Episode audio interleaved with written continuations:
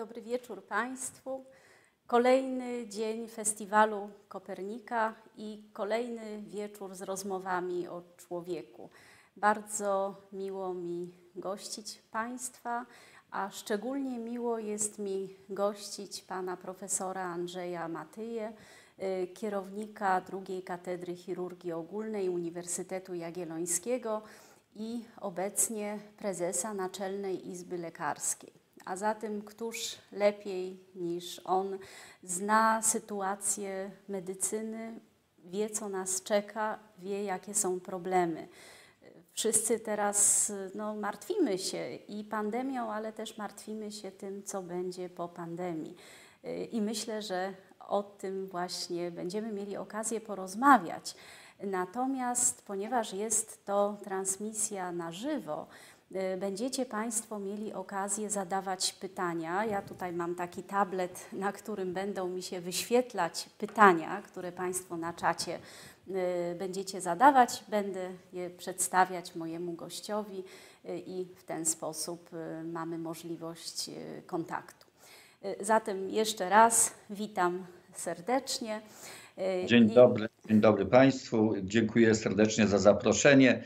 Postaram się przekazać wiedzę, którą mam.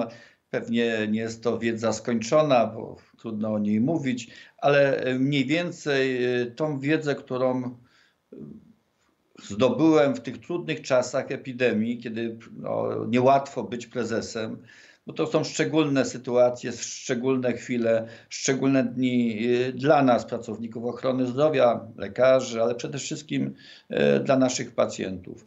Więc y, jeżeli nie będę umiał odpowiedzieć na pytanie, to powiem wprost, że się na tym nie znam i nie będę odpowiadał. Oczywiście. Y, natomiast myślę, że warto zacząć od nakreślenia takiej sytuacji pola bitwy. Y, ta pandemia no, zaskoczyła nas wszystkich i jaką sytuację w polskiej służbie zdrowia napotkała? E, myślę, że należałoby rozpocząć e, odpowiedź na to pytanie od sytuacji E, funkcjonowania systemu ochrony zdrowia w Polsce i od oceny tego systemu. Czas epidemii mm, uwidocznił wszystkie jego braki. Uwidocznił braki kadrowe, niedofinansowanie i błędy organizacyjne systemu. Epidemia pokazała, w jaki sposób i gdzie i czego brakuje.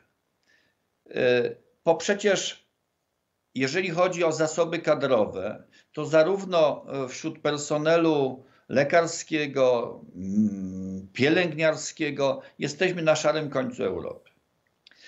Wśród zasobów finansowych jesteśmy na szarym końcu Europy. Niewiele jest krajów Unii Europejskiej, E, o tak niskim budżecie, e, który zasila w naszym przypadku e, Narodowy Fundusz Zdrowia, a więc są to środki publiczne dla celów ochrony zdrowia.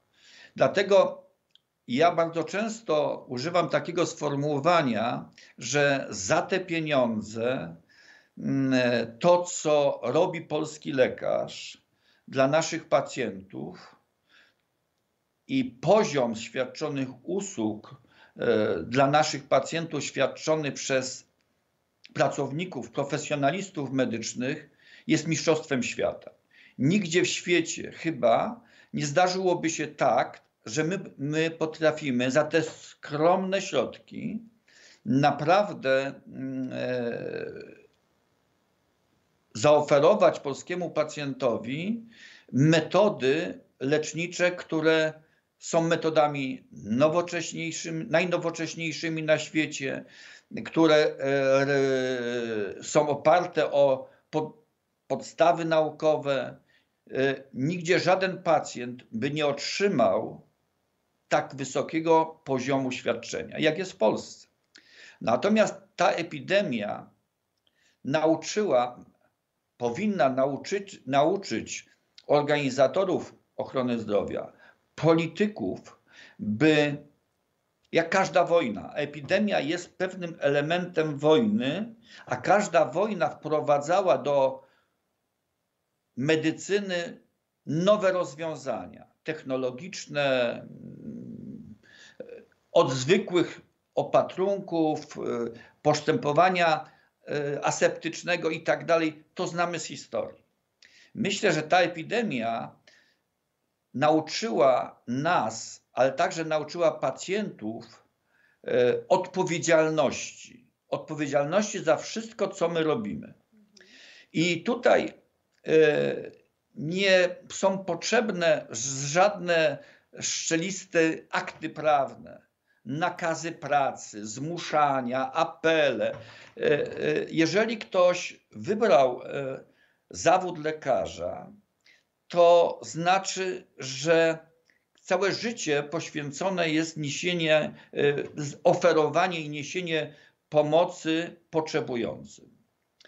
I my wiemy, my wiemy, jak mamy się zachować w sytuacji bezpośredniego zagrożenia życia.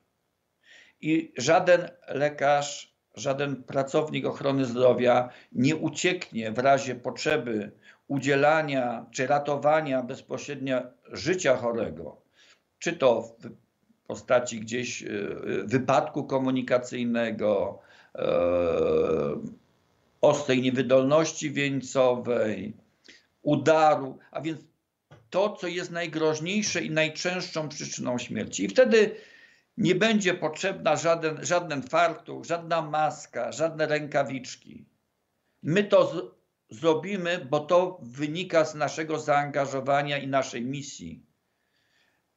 To wynika z naszego życia codziennego i jest zgodne z kodeksem etyki lekarskiej, który nas obowiązuje wszystkich i przysięgą Hipokratesa, którą żeśmy składali kończąc studia medyczne. Tak, ale było I pięknie. Bardzo niedobrze jest, co się niestety, i to mówię z ubolewaniem i dużą przykrością, kiedy mm, medycyna idzie w parze z polityką. Nigdy nie wychodzi to na dobre. Zarówno polityce, jak i medycynie. Nie można łączyć i polityki z medycyną i odwrotnie. Dlatego bardzo dużo e, złych, e, nieodpowiedzialnych zachowań polityków niszczy bardzo często e, dorobek i zaangażowanie i nas lekarzy, a najgorzej jak to robią jeszcze politycy lekarze. E, bardzo często się zastanawiam, czy to wynika e, z tego, że zapomnieli przysięgi Hipokratesa, czy to wynika z potrzeb politycznych, ale zawsze trzeba sobie przypominać to, że politykiem, senatorem, posłem, ministrem się bywa Natomiast trzeba zachować y, tą najprostszą zasadę przyzwoitość. A jakie takie główne błędy sobie, były że się jest, I przypominać sobie, że się jest lekarzem. Że można sobie po porannej pobudce przy myciu zębów popatrzeć w lustro i powiedzieć: Tak, jestem lekarzem i będę tym lekarzem w dniu dzisiejszym.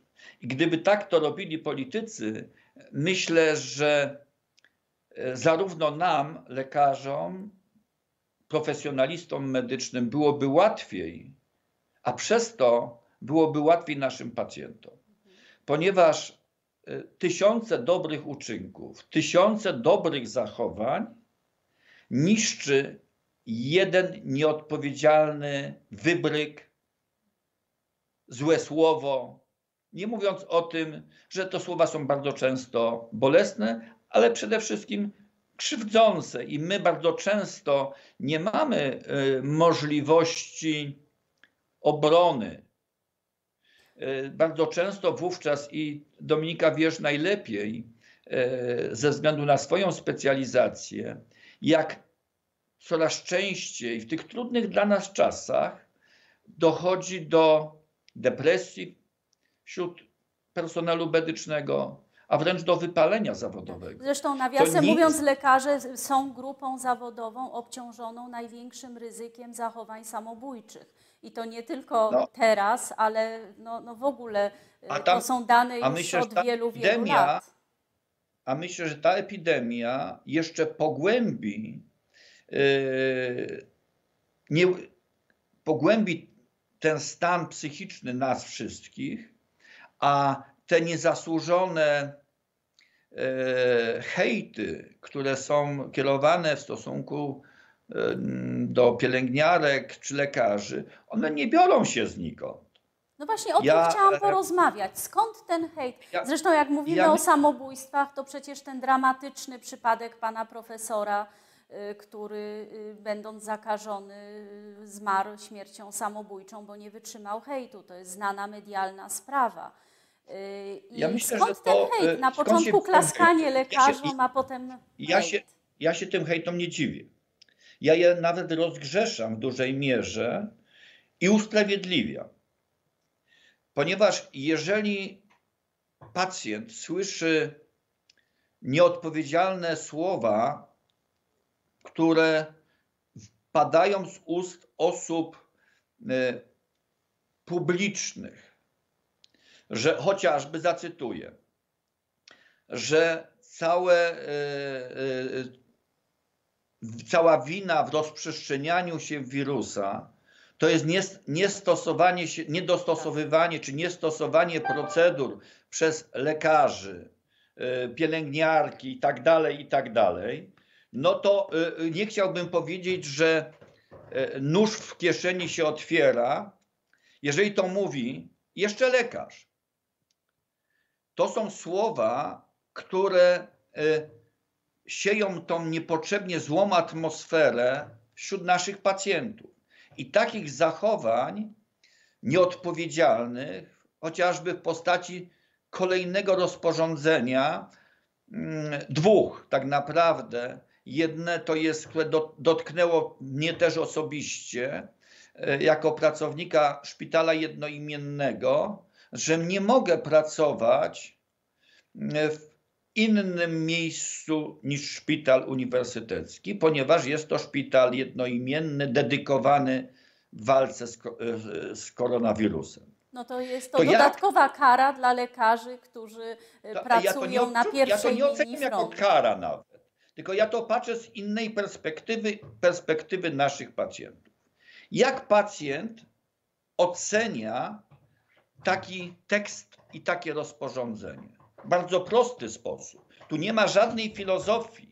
Niesie Mówi zarazę, tak? Sko- skoro minister tak wydał takie rozporządzenie, to on ma rację. To ci ludzie stanowią, są niebezpieczni, bo oni nas mogą zakazić. Kiedy minister wydaje rozporządzenie, zwalniając z kwarantanny wszystkich obywateli naszych kraju, naszego kraju pracujących po dwóch stronach granicy, niemieckiej, polskiej, słowackiej, polskiej, e, czeskiej czy polskiej, to znów stoi zapytanie, czy były jakieś względy epidemiologiczne, które wyłączyły ze zwolnienia z kwarantanny pracowników ochrony zdrowia? Nie. Czy w związku z tym ta obawa, że my jesteśmy tymi transmiterami wirusa, to znaczy, że w Niemczech jest większa zakaźność niż w Polsce? Nie. I dla, po mojej bardzo ostrej e, interwencji, po dwóch dniach rozporządzenie zostało zmienione. Nie mówiąc o, tych, o tym, że to jest niezgodne z, z, z naszą konstytucją. My mamy gwarancję swobód obywatelskich. Ale z kolei rozporządzenie o niemożności pracy y, w, gdzie indziej nie zostało Dlaczego- jeszcze zniesione. Nie zostało prawda? jeszcze, ale będę walczył. Napisałem pismo do pana Rzecznika Praw Obywatelskich. Bo w czym jest rzecz? Na moje pytanie nikt mi do tej pory nie udzielił odpowiedzi wyjaśniającej. Skoro wydano takie rozporządzenie, to znaczy jest ku temu jakieś uzasadnienie. Chciałbym je słyszeć. Czy, czy dokonano analizy, bo ja mam swoją analizę, którą dokonałem poprzez y, Naczelną Radę Lekarską. Aha.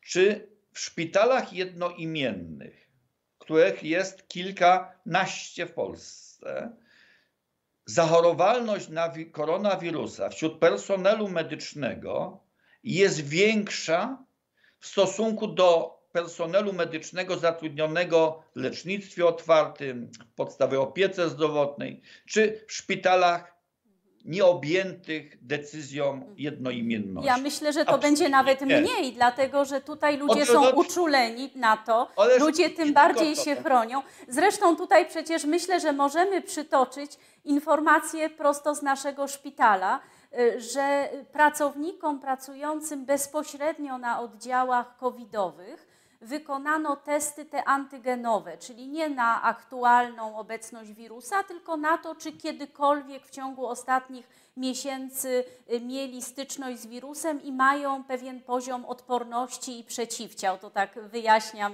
y, słuchaczom o co chodzi. I przebadano, to są informacje sprzed kilku dni, przebadano 700 osób z pierwszej linii frontu, lekarzy, pielęgniarki, tych, którzy dokładnie pracują z, z pacjentami covidowymi na oddziale covidowym i nie zgadniecie Państwo, ile osób miało jakiś poziom przeciwciał na 700 osób, co oczywiście nie oznacza, że gdzieś tam mieli styczność w szpitalu. Mogli mieć równie dobrze w żabce czy na kleparzu. Na 700 osób, zgadnijcie Państwo ile? 5. 5 osób na 700. W związku z tym, y, no, y, jakie tutaj zagrożenie? Tym bardziej, jeśli lekarz wie, że wchodzi na oddział, czy pielęgniarka wchodzi na oddział do pacjenta zakaźnego, to tym bardziej będzie używać środków ochrony, tym bardziej będzie się 100 razy myć przed wejściem, po wyjściu, y, zmieniać ubrania i jest znacznie mniej narażona na to, że, że będzie, y, przepraszam, roznosić zarazę, no, niż osoba na ulicy, która no, jedzie tramwajem, która kupuje, robi zakupy, no, robi normalne życiowe rz- rzeczy.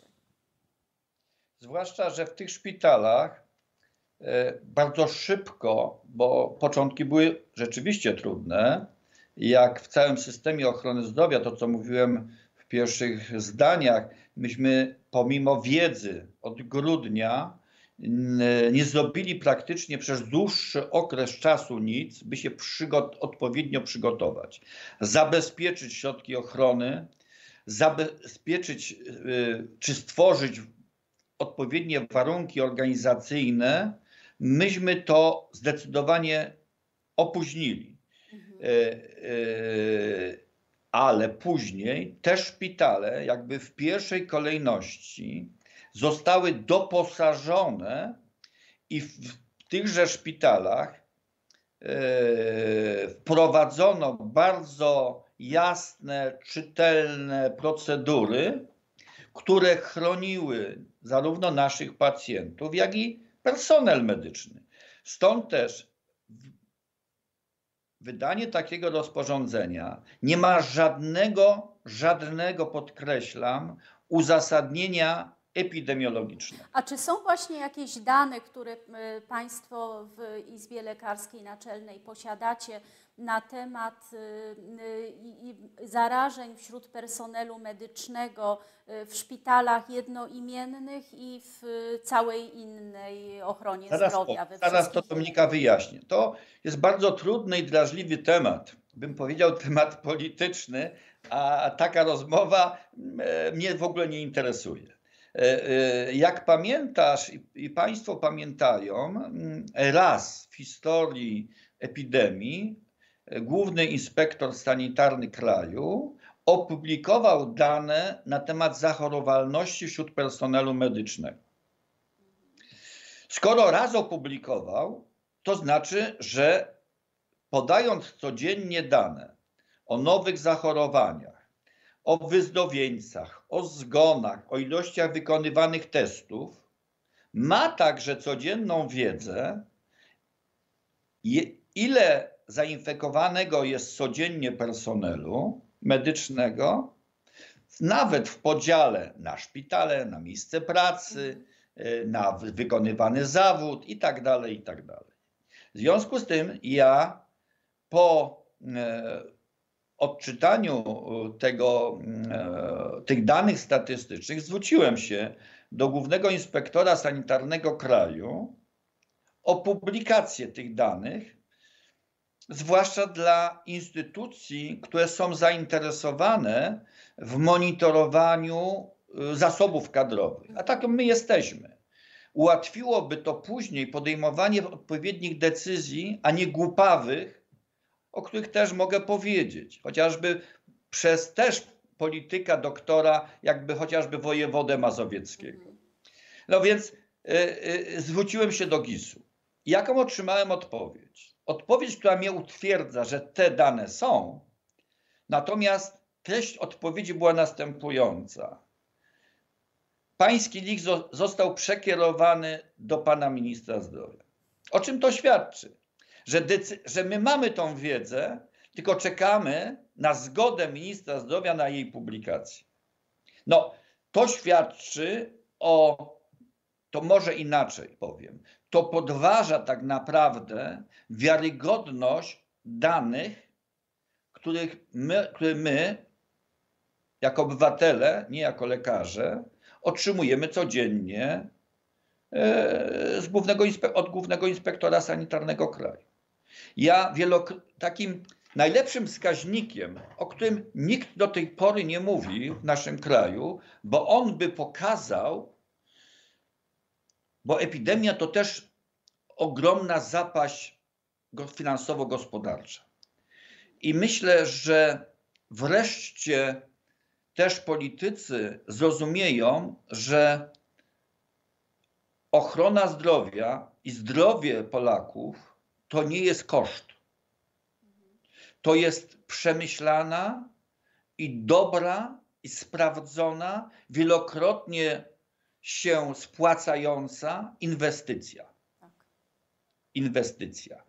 My musimy na to patrzeć, na nasz system, na nasze zdrowie jako inwestycję, którą, a ta inwestycja zawsze się spłaci, a przede wszystkim się opłaca nie tylko pojedynczemu obywatelowi, ale w perspektywie długoczasowej opłaca się państwu. Ale oczywiście zdrowy człowiek pracuje, zdrowy człowiek nie generuje kosztów leczenia, zdrowy człowiek jest produktywny. Nie trzeba w tym, myślę, wśród naszych słuchaczy o tym nawet mówić. I teraz jest zasadnicze pytanie oceniające skuteczność działań w walce z epidemią. Mhm. Ja uważam, że nie ma prawa nikt mówić, że ta walka jest skuteczna w porównaniu z innymi krajami, czy nieskuteczna. No właśnie, ale jeżeli, jeśli- skoro jest tak źle, to dlaczego jest tak dobrze? Zapytam przewrotnie. Y, zaraz- Widzieliśmy zaraz- obrazki z Lombardii, no u nas jednak nie brakowało respiratorów. U nas w szpitalu, y, no, jak wiesz najlepiej, były wolne łóżka, no nie było dramatu, prawda? Ale zanim na, odpowiem na to pytanie, to powiem o tym wskaźniku, który powinien być publikowany, aby, abyśmy wtedy wszyscy, bo wszyscy się uczymy, e, powinniśmy z sobą rozmawiać, bo dialog to podstawa demokracji, a, a takim krajem się przynajmniej e, nazywamy. E, Jest wskaźnik, który by pokazywał, ile dziennych zachorowań, a więc dodatnich testów genetycznych, jest wśród nie pacjentów, ale obywateli naszego kraju przebywających na 14-dniowej kwarantannie. W porównaniu do takiego samego wskaźnika, czyli zachorowalności, a więc dodatniego testu w pozostałej grupie. Jeżeli by się okazało, że dodatnie testy, wskaźnik ilości dodatnich testów w grupie ludzi przebywającej na kwarantannie jest niższy niż w pozostałej op- populacji, to przepraszam, użyję brzydkiego słowa, po jaką cholerę tych ludzi trzymać 14 dni w zamknięciu i nie dopuszczać ich do wykonywania jakiejkolwiek pracy. Jest to najdroższa forma walki z epidemią. Mhm. Dlaczegoż nie? Te testy nie są aż takie drogie, bo jestem przekonany, nie jestem finansistą, nie jestem ekonomistą, ale gdyby ty, wszyscy wiemy, epidemiolodzy, zakaźnicy mówią, że większość już jakby dodatnich, niezależnie czy ma objawy, czy nie, to jest siódmy dzień, Mhm. cyrka, to dlaczego tym ludziom chociażby nie robić w siódmym dniu? Jest ujemny, zasila zakład pracy, wraca do pracy, pro, pracuje dla dobra nas wszystkich. A my go trzymamy 14 dni, później wykonujemy test albo nie wykonujemy, bo takie są sytuacje, i oczekuje na wynik testu następne dni. Czyli przez długi okres czasu jest taki obywatel, taki człowiek wyłączony z procesu, z procesu pracy, a więc z procesu, który da, gwarantuje nam środki w systemie ochrony zdrowia. To jest koło zamknięte. My, nam nie wolno i nie powinniśmy rozpatrywać e, pojedynczo zasobów kadrowych, finansowania ochrony czy organizacji ochrony zdrowia. To są wszystko naczynia połączone. I, dla, i teraz dlaczego, e, dlaczego mm, e, zapytałaś, e, dlaczego, e, dlaczego w Hiszpanii, we Włoszech No bo tutaj oczywiście jest- rządzącym y, jakoś tam o, mówią o wielkim sukcesie, y, że no jednak w Polsce to muszę powiedzieć tak, ja to nie oceniam jak, jako sukces. Nie możemy się porównywać Mhm. z kilku względów. Po pierwsze, mm, e, oczywiście trzeba zwrócić uwagę na system ochrony zdrowia, finansowanie i tak dalej, ilość ludzi zatrudnionych, profesjonalistów i tak dalej, ale to jest tylko jeden element. Ale bardzo ważną uwagę trzeba zwrócić, zwracają to nie tylko ja, ale specjaliści z, ze zdrowia publicznego, z, z, z epidemiolodzy, że na szczególną ekspozycję zakażenia w tym rejonie, wynikającą ze specyfiki tych regionów, a więc dużą dynamiką życia społecznego, atrakcyjność turystyczną, zwłaszcza w okolicach świąt, bo to się wtedy stało, świąt Bożego Narodzenia No i i Nowego Nowy roku. Rok Chiński, prawda? Kiedy mnóstwo O, tych I, y, i, ale także liczne wyjazdy turystyczne do tych miejsc, Mhm. w, z miejsc ognik zakażonych. I to spowodowało, że przecież patrzmy też na Niemcy. Były, był kraj, gdzie to się zaczęło, e, land, gdzie to się rozpoczęło, a więc Westfalia, północna Nadrenia. Bo tam akurat y, olbrzymia ilość turystów z,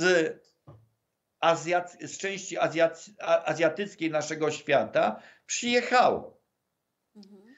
Dlatego y, zagęszczenie ludności. I to są elementy, które należy brać pod uwagę. Myślę, że jeszcze nie jest ten czas, y, byśmy z dużą pewnością mogli oceniać tą sytuację we Francji, Hiszpanii, Nowym Jorku czy w Stanach i w Polsce.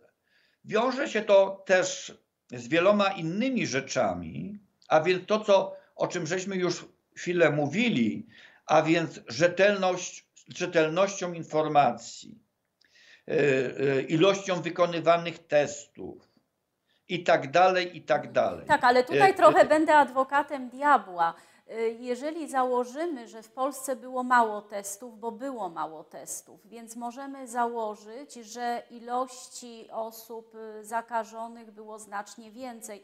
Zresztą gdzieś tam słyszymy od naszych pacjentów o różnych dziwnych infekcjach, które się już pojawiały od grudnia, y, czy słyszymy o ludziach tam z kwarantanny, którzy nie mieli testów wykonywanych, a się źle czuli. Mm, Tak, to prawda, ale z drugiej strony, nawet patrząc na nasze podwórko, na nasz szpital, to y, gdyby była dramatycznie zła sytuacja, no to y, widać by to było, prawda? Byłoby znacznie więcej łóżek obłożonych. Jeżeli nawet założymy, że większość y, chorych choruje łagodnie, czy nawet no, ma przebieg bezobjawowy, to gdyby ta liczba była bardzo dużo większa, no to ten odsetek osób ciężko chorujących też byłby znacznie większy i widzielibyśmy zapełnioną intensywną terapię, widzielibyśmy y, przepełnione łóżka, y, a tego nie było u nas widać i oby tak pozostało oczywiście. Jasne, ale też nie było widać mm, tej fali wzrastającej, jak w większości krajów, i opadającej. No tak, bo to U zostało nas jest jest wysoko i się utrzymuje. Tak. Jesteśmy jedynym krajem, który tak to, gdzie tak to wygląda. Nie wiem jak to teraz, rano było ponad 300 zakażeń.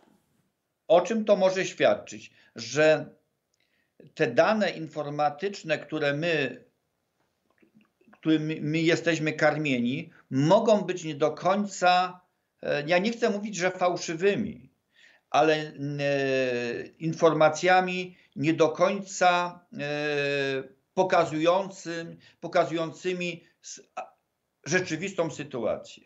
Bo większość ekspertów mówi, epidemiologów, zakaźników, że ilość zakażeń w Polsce jest wielokrotnie wyższa niż tak zwanych zdiagnozowanych.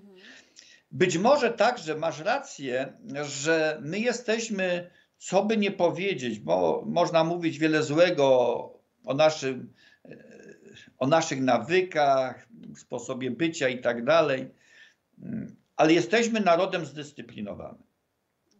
E, I te statystyki e, kiedy, mówiące o odpowiedzialnym zachowaniu, o dyscyplinie, e, chociażby przebywanie na kwarantannie. Tylko 1% ludzi w Polsce nie dostosowało się do zasad kwarantanny. No tak. Nigdzie w świecie tak nie było.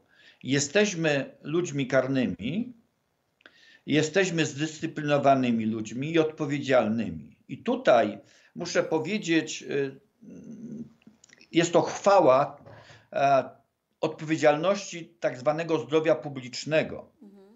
że my nie myśleliśmy o sobie, mówię o jako obywatele, tylko myśleliśmy o nas wszystkich, o Polsce, o wszystkich, o całej naszej społeczności. I dlatego ta dyscyplina też, myślę, spowodowała, że y, nie było tak nagłego zachorowania. E, Wybuchają i będą wybuchać, czy my chcemy, czy nie, o większe lub mniejsze ogniska.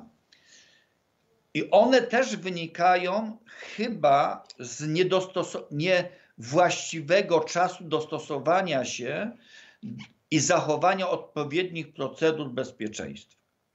Bo bardzo często wydawało się, wydaje się, zwłaszcza młodym ludziom, że ich to nie dotyczy, ich to nie dotknie. To nie jest tak.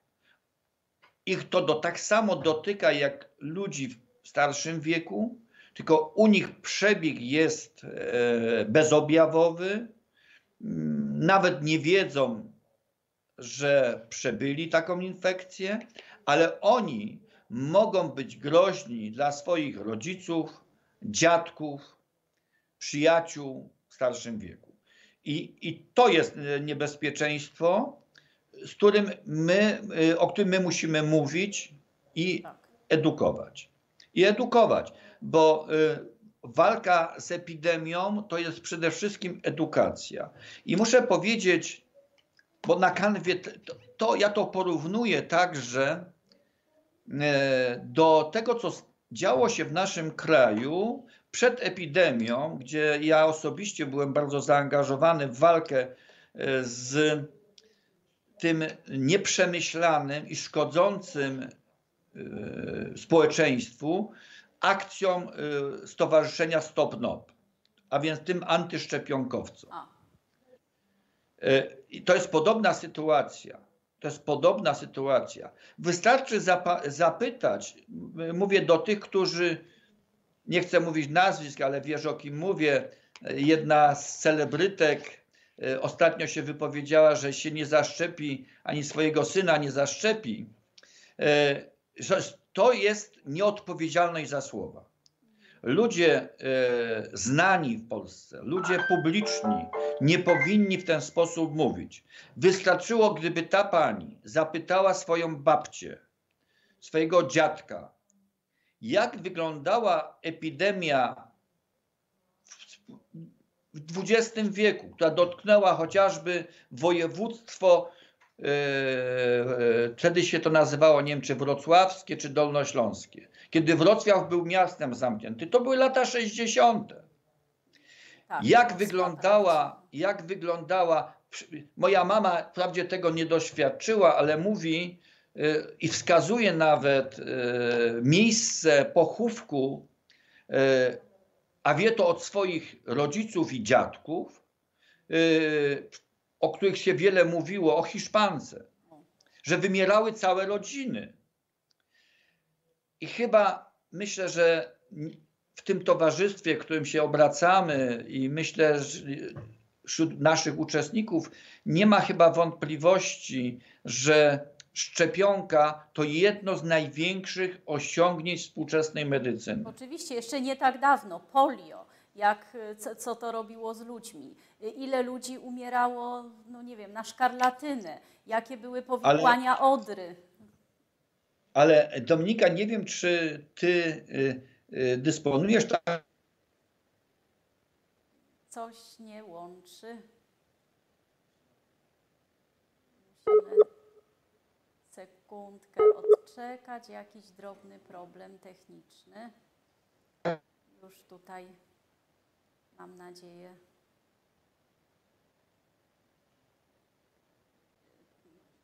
Dobrze, tutaj już się będziemy łączyć.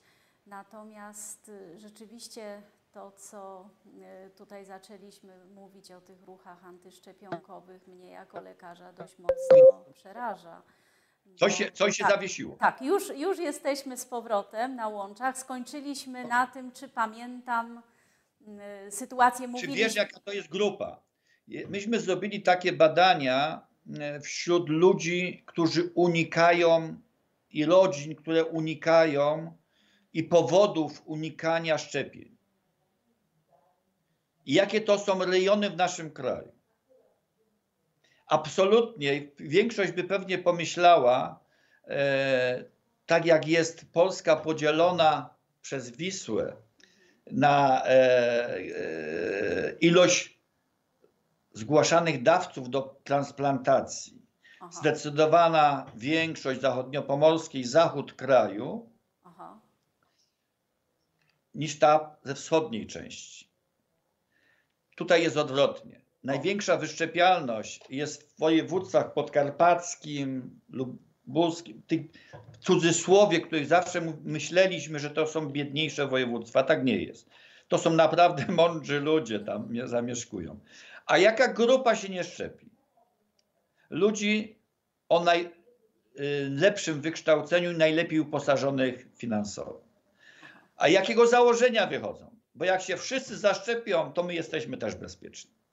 No ale to też jest powiedzmy takie, sobie szczepionka na grypę, prawda? Na, na zwykłą grypę myślenie, sezonową. To jest właśnie to takie myślenie. Tak, ale... dlatego, dlatego myślę, że e, na tą chwilę my nie pozbędziemy się wirusa, My się musimy nauczyć z koronawirusem, zachować, być odpowiedzialni w tym wszystkim, zachować wszystkie możliwe środki bezpieczeństwa.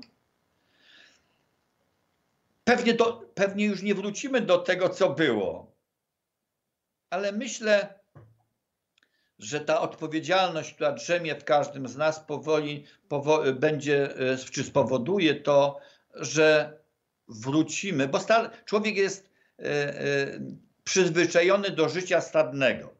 No tak. My, mówiliśmy przed chwilą, my... że tęsknimy, jeszcze przed połączeniem na antenie mówiliśmy, jak dlatego, bardzo tęsknimy, dlatego, żeby można było z Państwem tej... się na żywo spotkać.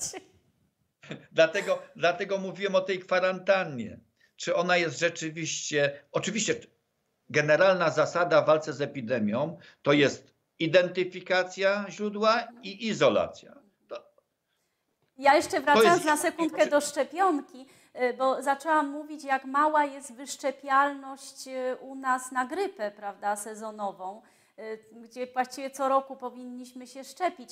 Czy tutaj warto byłoby przed jesienią, no bo stra- jesteśmy straszeni, a może nie straszeni, może to jest realność, drugą falą koronawirusa. E, Czy tutaj powinniśmy zaapelować, żeby szczepić się na grypę? Choćby, żeby Muszę łatwiej rozróżniać? Muszę powiedzieć tak. e, e, Czy będzie, czy będzie druga fala, czy nie będzie? Myślę, nie wiem, e, mam taką nadzieję, że chyba, chyba nie. E, Ale to, to będzie decydowało to, czy nas e, aktualnie ta epidemia czegoś nauczyła. Będziemy mądrzejsi, myślę, o te do, dotychczasowe doświadczenia. Czego na się temat- nauczymy? Tak, myślę, że to, że to o, mm, olbrzymie doświadczenie, jakie wynosimy w tej chwili, będzie pożyteczne i spowoduje, że będziemy bardziej uwrażliwieni na pewne działania i bardziej przygotowani. Oczywiście to się wiąże z ogromnym wzrostem kosztów świadczeń zdrowotnych. Jeżeli politycy tego nie zrozumieją, to doprowadzą do głębokiej zapaści całego systemu. Y, Dlaczego ten wzrost? Jakbyś mógł wytłumaczyć? y, Dlaczego? To widzimy na, na co dzień. Widzimy i nie mówię tutaj o wzroście, o premiach, o zarobkach. Przede wszystkim koszty wszystkiego, co jest potrzebne dla prawidłowego funkcjonowania systemu, zdecydowanie wzrosła. Koszty głupiej maseczki, rękawiczek, środków dezynfekujących, y, systemu organizacyjnego, który wymusza na nas pewien nowe sposoby zachowań, a więc stworzenie nowego systemu pracy, organizacji, to wszystko kosztuje. Tak. I teraz w związku z no, y, dla mnie idiotyczną decyzją podjętą, i ja, jak widzisz, ja mówię otwartym tekstem i zawsze tak mówiłem, e, idiotyczną decyzją o tak zwanej ryczałto, siecio, sieci szpitali i ryczałtowości wynagrodzeń. E, Ryczałt spowoduje to, że nie, szpital nie otrzyma więcej środków, a musi wydać więcej środków. A więc czy my chcemy, czy nie, czy dyrekcja szpitali chce, czy nie, gdyby nie działać na szkodę naszych pacjentów, musi ten szpital zadłużać. No tak. Bo przecież działalność szpitali to nie jest, działa, to nie jest fabryka, że się sprzeda więcej młotków czy śrubokrętów. Nie da się wykonać, zwiększyć ilości procedur, ponieważ no, procedury bezpieczeństwa mówią o tym, że, że musimy mieć odstęp czasowy, chociażby na sali operacyjnej i tak dalej, i tak dalej. Tych elementów, e, które składają się na koszty funkcjonowania podmiotów leczniczych jest bardzo dużo. I nie ma jednego elementu, jednego, który by był tańszy. Wszystko zdrożało i to kilkakrotnie. No Kilkakrotnie. Jeżeli teraz jeszcze e, decyzja, że szpitale otrzymały miesięczną jedną dwunastą ryczałtu i, i dzięki temu funkcjonują, to dobrze. Tylko jeżeli ja słyszę, że są chęci podjęcia takich decyzji, że te procedury będzie trzeba odrobić, to ja się pytam, kiedy i za jakie pieniądze? I kim? No I właśnie, kim? Kiedy, kiedy jeszcze zabraniamy lekarzom pracować, e, a wszyscy wiemy, że pracujemy ponadnormatywny czas pracy. Tak. Więc są to decyzje nieprzemyślane, ale one wynikają, y, co jest jakby takim atrybutem władzy, niezależnie czy tej, czy poprzedniej, czy jeszcze, że mm, dochodzi do pewnym momencie do arogancji władzy i niesłuchania ekspertów. E, I nie zgadzam się i nie zgodzę się z nikim, żeby nam, lekarzom, narzucano pewne schematy postępowania, a nie pytając nas o to. Bo to przecież my wiemy najlepiej, bo jesteśmy na pierwszej linii frontu w tej sytuacji, jakiej jesteśmy, i gdyby władza e, nie musi nas podejmować decyzji zgodnie z naszymi jakby zaleceniami, naszymi lekarskimi, ale gdyby wysłuchała, to być może nie byłaby w swoich decyzjach opóźniona, być może nie byłoby to tylko i wyłącznie gaszenie pożaru, który wybucha na Śląsku ostatnio, w Łodzi i gdzieś tam, gdzieś w tam, ale można, tak. gdyby słuchano, gdyby poproszono, a ja wystąpiłem z taką ofertą, to by nie dochodziło do wzniecenia tych pożarów. Czyli moglibyśmy wyprzedzić pewne działania, nie dopuszczając do wzniecania się tych ognisk. Ale gdybyś zobaczyła, i dlatego uważam, że informacje przekazywane są wątpliwe, że w zespole 20-osobowym ekspertów dotyczących e, informacji przekazywanej społeczeństwu nie ma ani jednego lekarza. Nie ma ani jednego lekarza. Są to pracownicy większości, z tych 20, są to pracownicy większości y, centrum informatycznych, matematyków, y, Uniwersytetu Warszawskiego, Politechniki Warszawskiej itd., itd. Nie ma ani jednego lekarza. Wręcz odwrotnie, kiedy na początku, y, bo tak naprawdę, jakbyśmy popatrzyli historycznie, nie chcę sobie przypisywać tytułów wróżbity, czy, ale ja w lutym, 26 lutego, wystosowałem apel do premiera 26 lutego, mhm. który był takim momentem rozwagi i wskazywałem na potrzeby działania, określone potrzeby działania. Jest to dostępne w internecie, bo w internecie nic nie ginie. I gdyby wówczas władza publiczna odpowiednio wcześnie zareagowała, być może bylibyśmy na innym etapie. Ale to tak mówię, być może. Ale wówczas to ja spotkałem się z obrzydliwymi hejtami, e, że jestem nieodpowiedzialny i tak dalej. A przypomnę, pewnie pamiętasz słowa ministra e, o maseczkach, tak.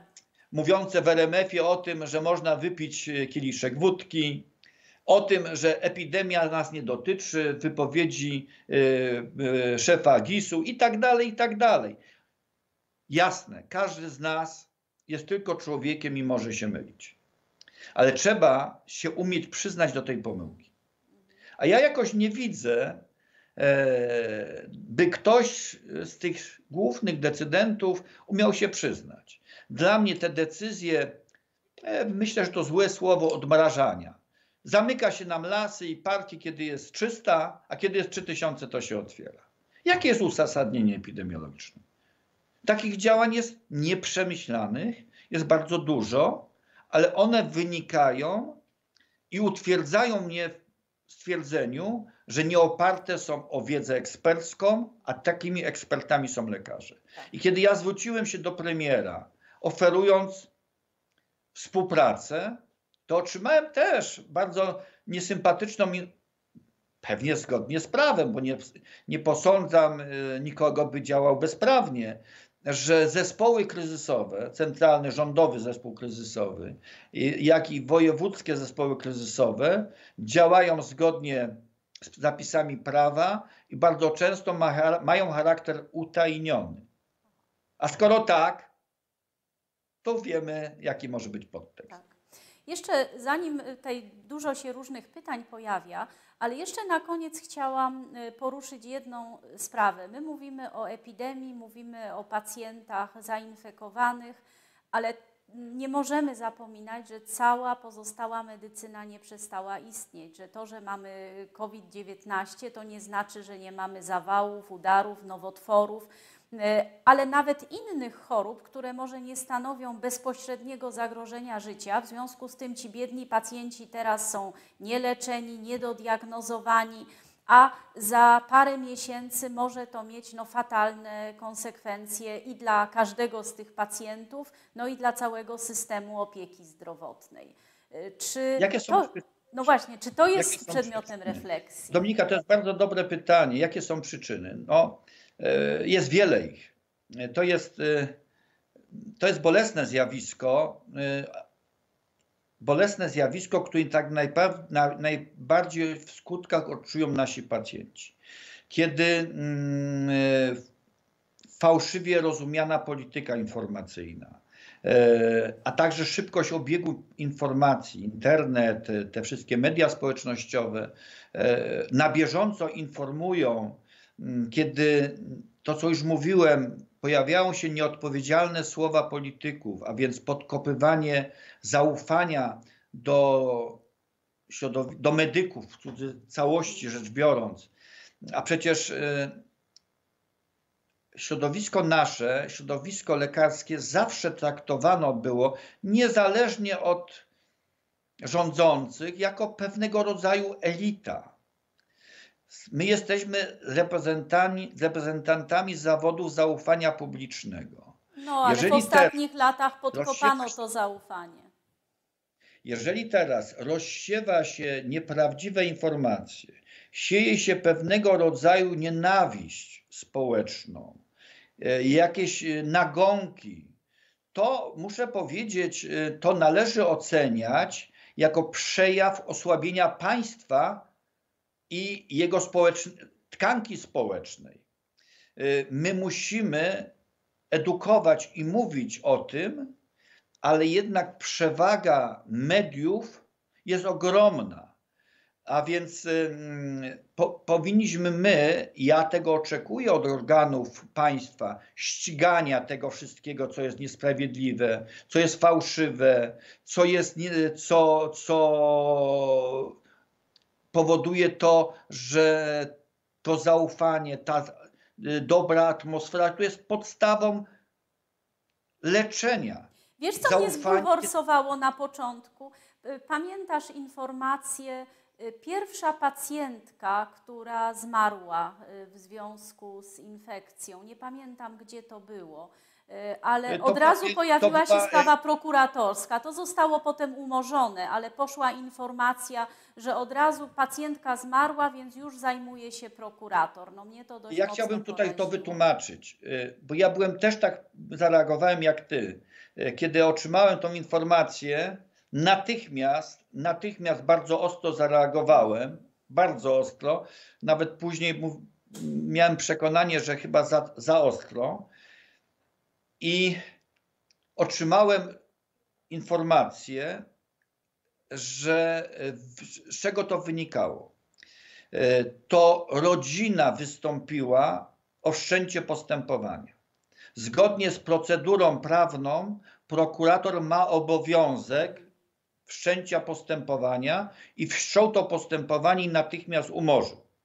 Ale w eter Oczy... poszła informacja do ale, mediów. Właśnie, ale no informacja, właśnie. które przekazały media, stały się, czy szerzyły tą, tą podejrzliwość, no a podejrzliwość y, y, robi y, bardzo niedobre wrażenie że my mamy coś do ukrycia, skoro prokurator, to, za, to coś tam się musiało jednak zdarzyć, że coś musieliśmy, jakieś błędy terapeutyczne e, popełnić. Ale te hejty, i, mm, które się zdarzyły, one się nie biorą znikąd. E, ja przypomnę e, takie nazwisko rezydentki, pani doktor Pikulskiej, jednej z organizatorów protestu rezydentów. I kiedy media publiczne, telewizja polska, e, wyprodukowała program mówiący, jak to pani doktor dobrze, jak jeździ na wakacje po całym świecie, po Afryce i tak dalej, i tak dalej. Nie sprawdziła tych informacji, ale oszkalowała panią doktor. Okazało się, że jeździ, ale z misją charytatywną. tak. I ja w imieniu pani doktor wytoczyłem proces telewizji polskiej, który się aktualnie toczy. Ja staram się wszystkie te rzeczy, które są e, bolesne, które są nieprawdziwe, szkalujące nas i nieuzasadnione i nieprawdziwe, kierować do organów ścigania. My sobie nie możemy na to pozwolić, ponieważ to nie chodzi nawet o nas jako grupę zawodową, ale to szkodzi naszym pacjentom, bo podważanie zaufania jest podważaniem elementów diagnostyczno-leczniczych, które, my, które jest główną rolą w naszej, w naszej działalności. Kiedy tego zaufania nie będzie, kiedy pacjent będzie miał obawy przed lekarzem, przed pielęgniarką, nie będzie mówił o wszystkim, co go dolega, będzie ukrywał pewne fakty, a to lekarzowi nie pozwoli na postawienie właściwej diagnozy, a przez to opóźnienia czy zastosowania właściwej terapii. Tak. Y, Dlatego, dlatego teraz, kiedy lekarz jest pokazywany, y, nam nie potrzeba mówić, że jesteśmy bohaterami, bo my nie jesteśmy żadnymi bohaterami. To jest wpisane w nasze zachowanie, jest wpisane w nasz zawód. To nie jest bohaterstwo, to jest nasz obowiązek. Tak, obowiązkiem naszym jest mówienie prawdy i żaden minister mnie osobiście ust nie zamknął i nie zamknie, bo jest to mój obowiązek etyczny mówienie prawdy naszym pacjentom.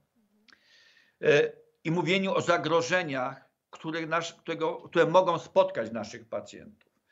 E, I teraz, kiedy pacjent słyszy o tym, że w szpitalu jednym imiennym to są ci najbardziej za niebezpieczni, że ten doktor i ta pielęgniarka to lepiej, żeby ona z nami nie mieszkała, bo ona mnie może zarazić, to ja się nie dziwię później, że oni mają i słusznie obawy przed tym, by pójść do lekarza, by pójść i zdiag- zdiagno- zdiagno- zdiagnozować się, bo przecież nagle nie przestaliśmy chorować jako społeczeństwo na inne, jeszcze bardziej śmiertelne choroby niż, sama koron- niż sam koronawirus. Choroby onkologiczne. Jeżeli my zapomni- bo w tej chwili wprawdzie jest opracowana, ale nie wdrożona nowa strategia postępowania z chorobami onkologicznymi, kiedy my przestaniemy o tym mówić, zaniedbamy ten okres czasu, to będą to najdroższe, kosztochłonne działanie w systemie ochrony zdrowia. Bo otrzymamy nie teraz, e, nie za miesiąc czy dwa, ale w dłuższej perspektywie chorych z zaawansowanymi chorobami nowotworowymi, które raz mm, będą chorobami z, powrota, z powrotem chorobami śmiertelnymi, a nie to, że choroby nowotworowe na, dzięki nauce, dzięki postępowi w wielu przypadkach stały się chorobami Przewlek. przewlekłymi, bo umiemy je leczyć. Że choroby układu krążeniowo-naczyniowego, neurologiczne, psychiatryczne swojej dziedziny, nauczyliśmy się leczyć, Tak ale kiedy ta choroba będzie w stanie zaawansowanym, to nie tylko koszty leczenia będą ogromne, ale efekty terapeutyczne będą też Tak jest. marne. Y, Tutaj widzę dużo pytań. Myślę, że teraz powinniśmy y, na część z nich odpowiedzieć. Y, Pojawiło się sporo pytań o maseczki. Czy jest sens noszenia maseczek, czy nie ma y, sensu? Y, Czy, jak, no, czy to w ogóle ma wpływ na, na pandemię? Tutaj takich pytań jest y, całkiem sporo. Ja to odpowiem tak może, może przewrotnie. E, Nie jestem znawcą, ale ponieważ tych, te pytania się bardzo często prze, pojawiają, więc wyczytałem coś takiego, że nie ma potwierdzeń naukowych, że maseczka jest skuteczną ochroną przed zakażeniem. Mhm. Ale także nie ma doniesień naukowych, że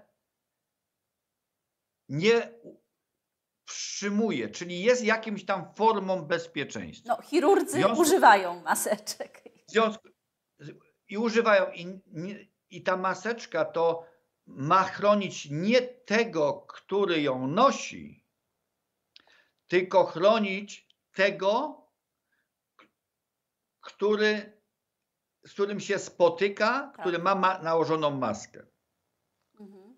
To znaczy, że e, poprzez mówienie, oddychanie, kaszel, my jesteśmy, możemy, a ponieważ około 70, niektórzy mówią nawet 80% populacji zakażonej, przebieg jest bezobjawowy, więc noszenie maski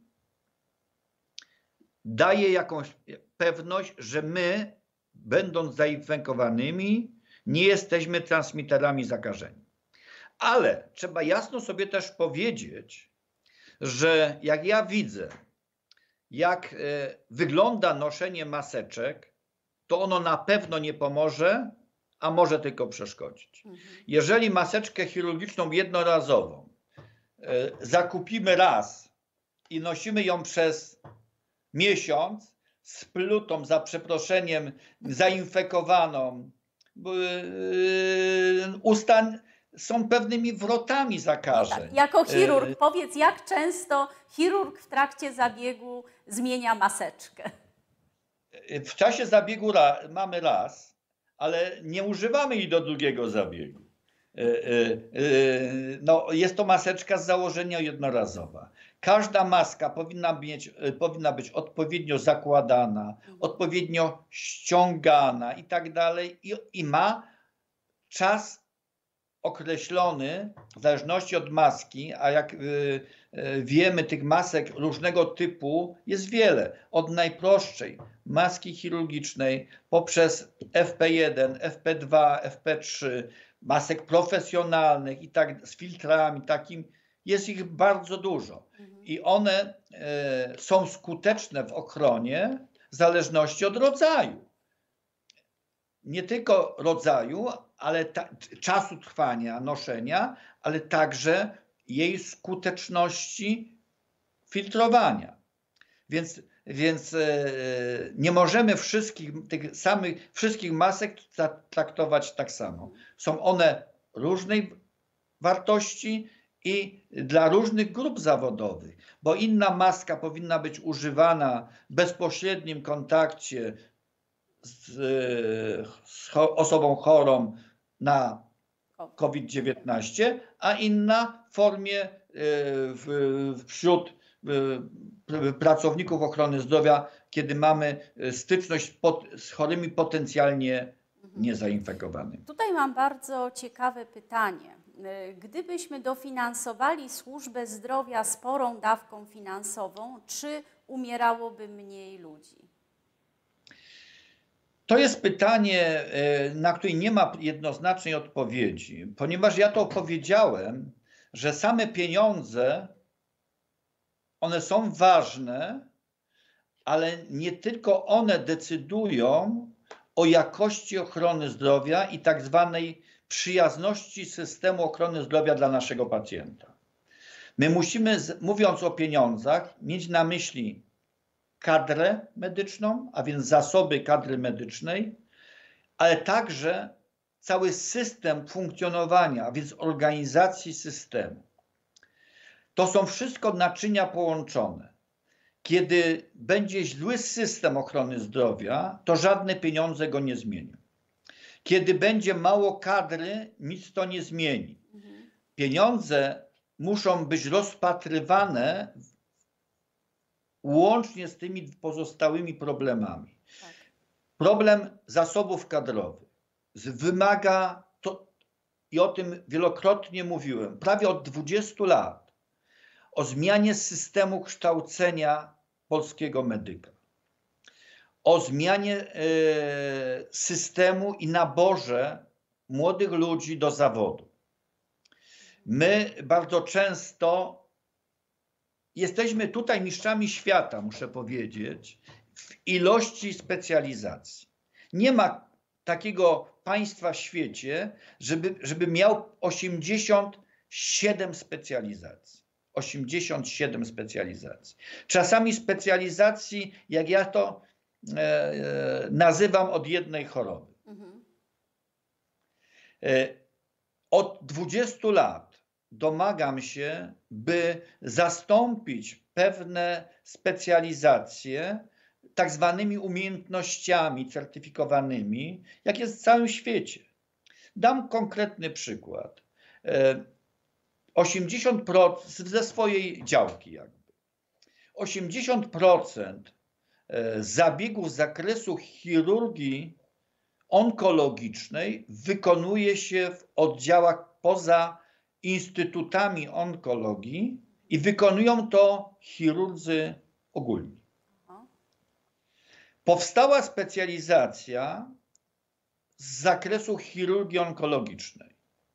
Ja zadałem publicznie parokrotnie to pytanie, czy ja, zresztą dla celów e, jakby kontraktowych i funkcjonowania mo- mojego oddziału, taką specjalizację uzyskałem parę lat temu. Mhm.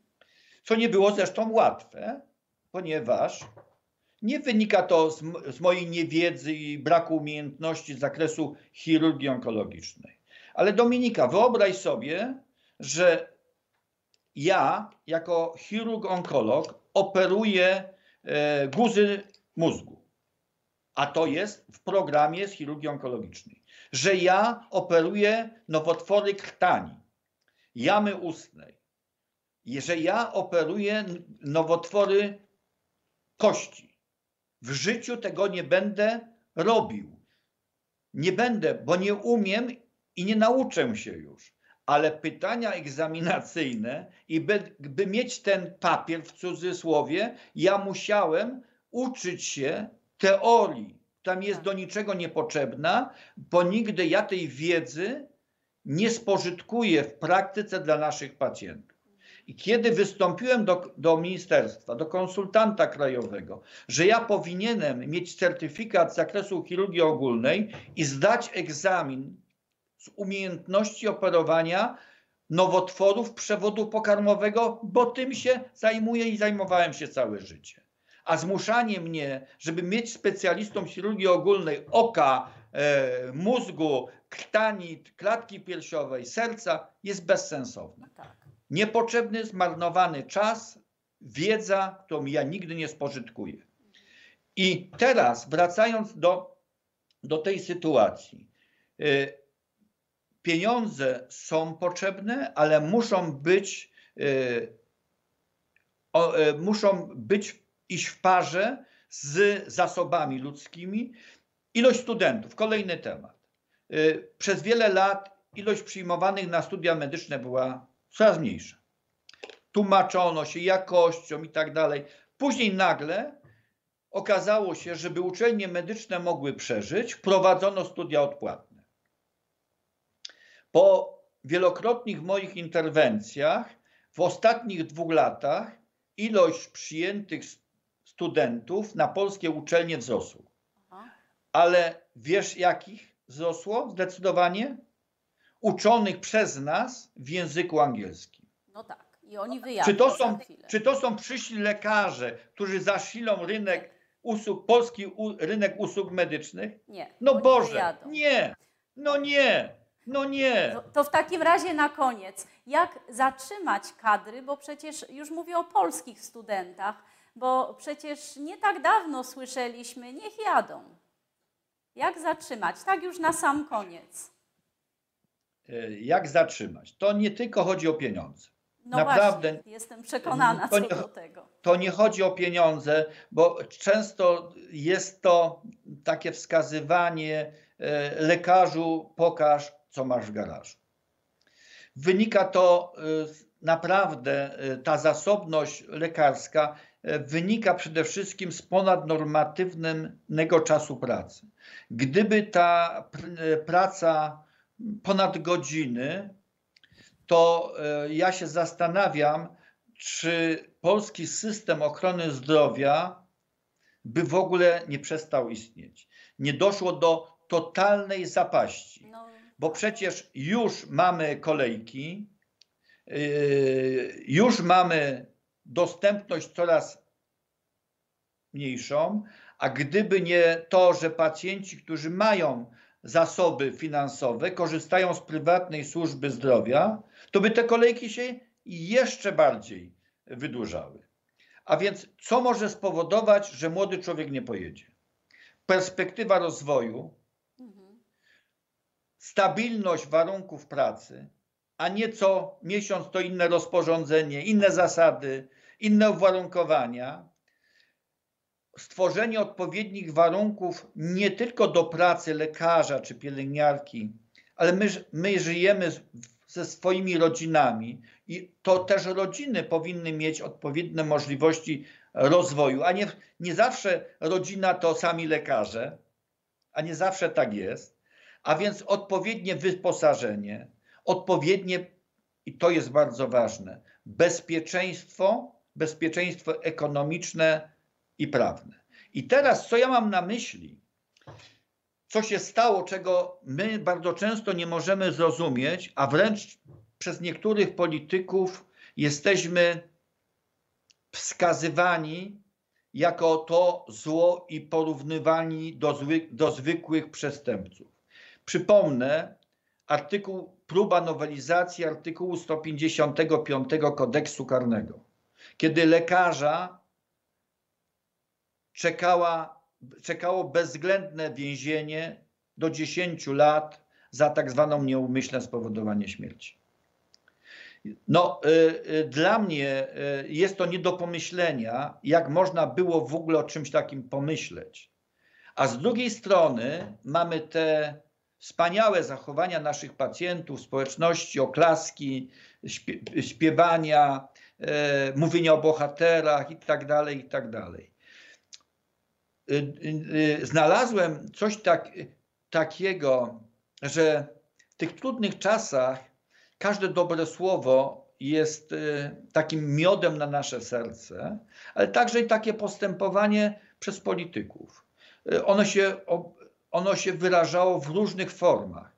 Biedniejsza, biedniejsza od nas Rumunia każdemu pracownikowi ochrony zdrowia e, poświęcającemu się w tej bezpośredniej walce dało premii 500 euro. Czy u nas słyszałeś, żeby ktoś o tym pomyślał? W ogóle się o tym nie mówi. A co zrobiły Stany Zjednoczone? Wprowadziły jako zarządzenie rządu federalnego tak zwaną zasadę dobrego Samarytanina. Wspaniała rzecz. Ja na kanwie tego e, w przyszłym tygodniu e, wystąpię e, do Sejmu Rzeczpospolitej, aby wielce szanowni posłowie pochylili się nad projektem ustawy, która by zabezpieczała personel medyczny w tych trudnych chwilach. W czym jest rzecz? Czym jest rzecz? Wprowadzono w Stanach y, klauzulę dobrego Samarytanina polegającego na tym, że leka- personel medyczny, tam jest wylistowany, kto wchodzi w ten, e, w ten personel medyczny, a więc lekarz, pielęgniarka, pielęgniarka dyplomowana, położna i tak dalej, w okresie stanu epidemii, czyli stanu takiego wyjątkowego. Personel medyczny nie podlega odpowiedzialności zawodowej, chyba że naruszył, rażąco naruszył zasady bezpieczeństwa Aha. w kontakcie z naszym chorym. Jest to dla mnie zrozumiałe i jasne. I kolejna rzecz, bezpieczeństwo. To nie tylko bezpieczeństwo odpowiedzialności zawodowej, bo my nie chcemy być traktowani jako wyjątkowi, jako bogowie. E, To nie o to chodzi. My chcemy być normalni, ale także chcielibyśmy, i wystąpiłem, ale bez odpowiedzi do państwa, by państwo stworzyło fundusz państwowy dla osób, dla personelu medycznego poszkodowanego w okresie epidemii. Bo na szczęście niewiele do tej pory osób zaangażowanych z personelu medycznego w walce zmarło z powodu koronawirusa.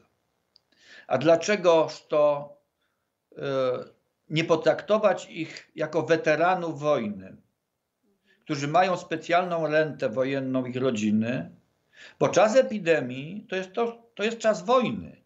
I kiedy ja e, miałem takie wystąpienie, zresztą e, przyjęte w różnoraki sposób, rok temu dosłownie, kiedy uważałem, i dalej tak uważam, nie zmieniłem swojego zdania, że my w tej chwili nie powinniśmy się obawiać wroga w postaci jakiegoś domniemanego najeźdźcy, który zniszczy nasz kraj.